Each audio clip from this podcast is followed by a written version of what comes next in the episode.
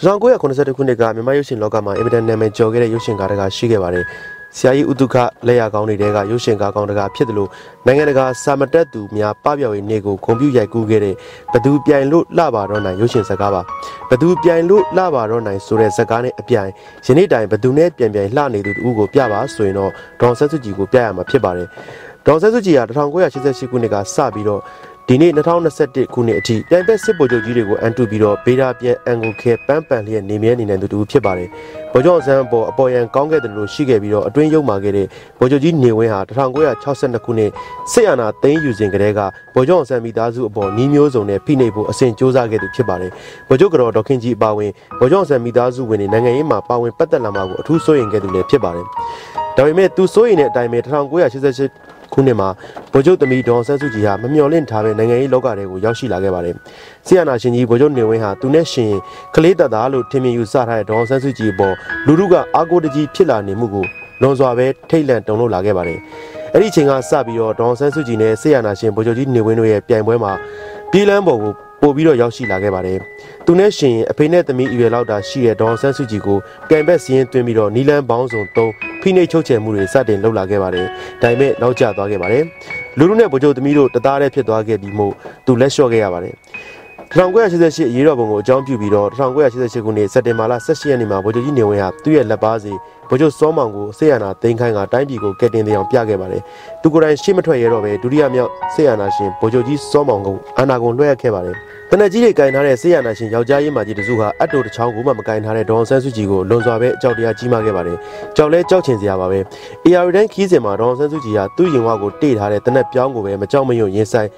ရှစ်ဆက်တိုးပြီးတော့စစ်ဗိုလ်ချုပ်ကြီးတွေ သွေးထိတ်လန့်စရာဖြစ်အောင်လုပ်ခဲ့ပါတယ်။မကြမီပါပဲဗိုလ်ချုပ်စောမောင်ကရွေးကောက်ပွဲလုပ်ပေးမယ်အနိုင်ရတဲ့သူကိုအာဏာလွှဲပေးမယ်ပြီးရင်စစ်တမ်းရပြန်မယ်ဆိုတဲ့မိန့်ခွန်းပြောပြီးတဲ့နောက်မှာတော့ဗိုလ်ချုပ်ကြီးနေဝင်းဟာများစွာစိုးထိတ်ပြီးတော့တပည့်ကျော်ထီတော်မူဘိုးခင်ညွန့်နဲ့ပူးပေါင်းပြီးတော့ဒေါန်ဆန်းစုကြည်ပါတီအာဏာမရရေးဖိနှိပ်မှုအစီအစဉ်တွေကိုစနစ်တကျပြင်ဆင်ဆောင်ရွက်ခဲ့ပါတယ်။ဒေါန်ဆန်းစုကြည်တည်ထောင်ထားတဲ့အမျိုးသားဒီမိုကရေစီအဖွဲ့ချုပ်အပါအဝင်ဒီမိုကရေစီရေးကိုလိုလားတောင်းတသူရဟန်းရှင်သူចောင်းသားပြည်သူတရက်လုံးအပေါ်မှာမတရားနှိပ်စက် အနိုင်အထက်ပြုမှုတွေရည်ရွယ်ချက်ရှိရှိကျူးလွန်ခဲ့ပါတယ်။အာဏာရှင်တို့မြည်သည်ဘယ်တော့မှနောက်ကျောမလုံးဆိုတဲ့အတိုင်းဗိုလ်ချုပ်ကြီးစောမောင်ကိုယ်တိုင်လှုပ်ဖော်ကံမဲ့အချင်းချင်းနောက်ကျောဓာချင်းထိုးခံလိုက်ရပါတယ်။ဗိုလ်ချုပ်မူကြီးစောမောင်စီကအာဏာကိုအနှုတ်နီးနဲ့လူယူခဲ့သူကတော့ဗိုလ်ချုပ်မူကြီးတန်းရွှေပဲဖြစ်ပါတယ်။ဗိုလ်တန်းရွှေနေရာရလာပြီးနောက်ပိုင်းမှာတော့ဆေးရနာချင်းစနစ်ဟာပို့ပြီးတော့ခိုင်မာစပြုလာခဲ့ပါတယ်။ဗိုလ်တန်းရွှေရဲ့အစီအမံတွေကကောင်းတာပဲလားနောက်ွယ်ကအဖိုးကြီးဘုံနေဝင်းရဲ့အစီအမံတွေကကောင်းတာပဲလားမတဲခွဲပါဘူး။ဘ ယ်လိုပဲပြောပြောဗိုလ်တန်းရွှေလက်ထက်မှာအတွင်းမှုတစ်ဖြစ်ရှင်းရှင်းတောက်ခဲ့တဲ့သူ့ချေသူ့လက်ဖြစ်လာခဲ့သူကတော့စစ်ထောက်လိုင်းမှုချုပ်ဗိုလ်ချုပ်ခင်ညွန့်ပါဒေါ်ဆန်းစုကြည်ကိုနှစ်ရှည်အကျယ်ချုပ်ချကလူလူနဲ့ဒေါ်ဆန်းစုကြည်အဆက်ပြတ်အောင်မျိုးမျိုးဖုံဖုံပုံဖော်ဖန်တီးခဲ့ကြပါတယ်နိုင်ငံပိုင်မီဒီယာတွေကိုတုံးချပြီးတော့လိန်နီးပေါင်းစုံဇက်ကွက်ပေါင်းစုံနဲ့ဒေါ်ဆန်းစုကြည်ရဲ့အရှိန်အဝါမှေးမိန်အောင်မြန်မာနိုင်ငံရေးမှာဒေါ်ဆန်းစုကြည်လုံးဝမရှင်းတန်နိုင်အောင်ပုံဖြတ်ခဲ့ကြပါတယ်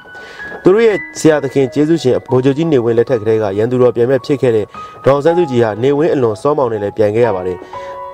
အဲ့ဒီနောက်ပိုင်းမှာဗိုလ်ချုပ်စောမောင်အရေးနှိမ်သွားပြီးတဲ့နောက်ပိုင်းမှာတော့ဗိုလ်ချုပ်တန်းရွှေဗိုလ်ချုပ်ခင်ကျွန်းတို့နဲ့ဆက်ပြီးတော့ပြန်ခဲ့ရပါတယ်ဘသူတွေအရေးနှိမ်သွားခဲ့တယ်လေပြည်သူလူထုကအတိပဲဖြစ်ပါတယ်အာနာရှင်ဗိုလ်တန်းရွှေကိုယ်တိုင်မြောက်စားခဲ့တဲ့စစ်ထောက်လဲမှုချုပ်ဗိုလ်ချုပ်ခင်ကျွန်းဟာသူ့ဘဝအတွက်မိသည့်နီးနဲ့မှမရနိုင်တဲ့တက်မတော်ရဲ့အမြင့်ဆုံးယာဒူးဗိုလ်ချုပ်ကြီးအဆင့်ထိရခဲ့တယ်လို့ဝန်ကြီးချုပ်ဆိုတဲ့ယာဒူးကိုမမောလောက်အောင်ထိသူ့ဆရာဗိုလ်ချုပ်မကြီးတန်းရွှေရဲ့လက်ချက်နဲ့ပဲထောင်နှန်းပြန်ဆန်ခဲ့ရပါတယ်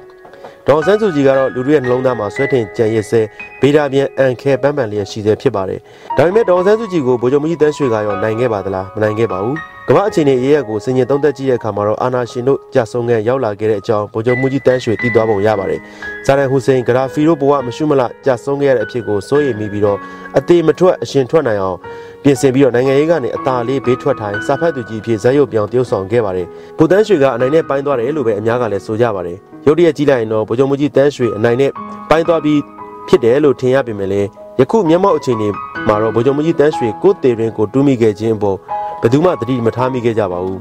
1993ခုနှစ်ကစတင်ရေးဆွဲပြီးတော့2008ခုနှစ်မှာအတည်ပြုနိုင်ခဲ့တဲ့15နှစ်ကြာအခြေခံဥပဒေစာအုပ်ကြီးဟာဗိုလ်ချုပ်မကြီးတန်းရွှေနဲ့တက်အတိုင်းဝိုင်းကြီးတစ်ခုလုံးအတွက်ကြီးကာကြီးတစ်ခုပဲဖြစ်ပါတယ်ဒီဒီကြီးကအခြေခံဥပဒေကြီးကျေးဇူးနဲ့ပဲသူတို့အသက်ရှင်ရက်တည်ရေးအာမခံချက်ရှိနေခဲ့တာလည်းဖြစ်ပါတယ်ဒါပေမဲ့လည်းအကွက်ပေါင်းများစွာအသာစီးယူနိုင်ခဲ့တဲ့စာဖတ်သူကြီးဗိုလ်တန်းရွှေတယောက်နောက်ဆုံးရွှေ့ခဲ့တဲ့အကွက်ဟာမဟာမဟာအမာကြီးဖြစ်ခဲ့ပါတယ်ယုံကြည်ရမယ့်အထင်နဲ့သူ့ရရကိုဆက်ခံပြီးတော့သူ့မိသားစုအပါဝင်တက်မတော်ကြီးတစ်ခုလုံးအတွက်အကောက်အကွယ်ပြုပေးဖို့စနစ်တကျရွေးချယ်ခန့်အပ်ခဲ့တဲ့တစ္ဆာခံမင်းအောင်လှိုင်က ယခုမှတော့သူ့ဘဝရက်တည်ရေးကိုအာမခံချက်မပေးနိုင်တော့တဲ့ဘဝကိုတော့ရောက်ရှိသွားခဲ့ပါပြီ။ဒီပေါင်းမဲ့စွာစနစ်တကျပြင်ဆင်ရေးဆွဲပြီးတော့တက်အကျိုးစီးပွားတစ်ခုလုံးကိုအကာအကွယ်ပေးခဲ့တဲ့2008အခြေခံဥပဒေကြီးကိုမင်းအောင်လှိုင်ကိုယ်တိုင်ပြန်ဖျက်ခဲ့ပါပြီ။ပထမဆေးရနာရှင် ဗိုလ်ချုပ်နေဝင်ဒုတိယဆေးရနာရှင်ဘိုစောမောင်တတိယဆေးရနာရှင်တန်းရွှေတို့လက်ထက်ကအဆက်ဆက်ရှင်ပြိုင်ခဲ့ကြပေမဲ့လည်းမရှင်သာနောက်ပြန်လဲခဲ့ကြတဲ့တာရကတွေကိုမင်းအောင်လှိုင်ထက်တွက်ခဲ့ဖို့မပေါ်ပါဘူး။သူနိုင်ရရှိလိမ့်မယ်ဆိုတဲ့အတွေးနဲ့ဒေါ်ဆန်းစုကြည်ဆိုတဲ့အာကအမျိုးသမီးကိုဖမ်းဆီးပြီးတော့အနိုင်ယူခဲ့ပါတယ်။သူရှိကဆေးရနာရှင်ကြီးတွေကလည်းဒေါ်ဆန်းစုကြည်ကိုဖမ်းဆီးအကျဉ်းချထားခဲ့တာနှစ်ပေါင်းများစွာတိုင်တိုင်ပါပဲ။ ဒါပေမဲ့လည်းသူတို့အောင်မြင်လားဆိုတော့မအောင်မြင်ခဲ့ကြပါဘူးအမျိုးသမီးတဦးကိုပင်ဗိုလ်ချုပ်မှုကြီးများစွာကဘလို့ပြန်မနိုင်ခဲ့ပါဘူးယူနီဖောင်းဝတ်ပြီးတော့ပြန်ခဲ့တယ်လို့ယူနီဖောင်းချွတ်ပြီးလည်းရှင်ပြန်ခဲ့ကြပါတယ်2015ပါတီစုံအထွေထွေရွေးကောက်ပွဲကြီးမှာယူနီဖောင်းချွတ်စစ်ဗိုလ်ချုပ်ကြီးတွေဖြစ်တဲ့ဗိုလ်ချုပ်သိန်းစိန်သူရရွှေမန်းအုပ်စုကလည်းဒေါန်ဆန်းစုကြည်ကိုမနိုင်ခဲ့ကြပါဘူး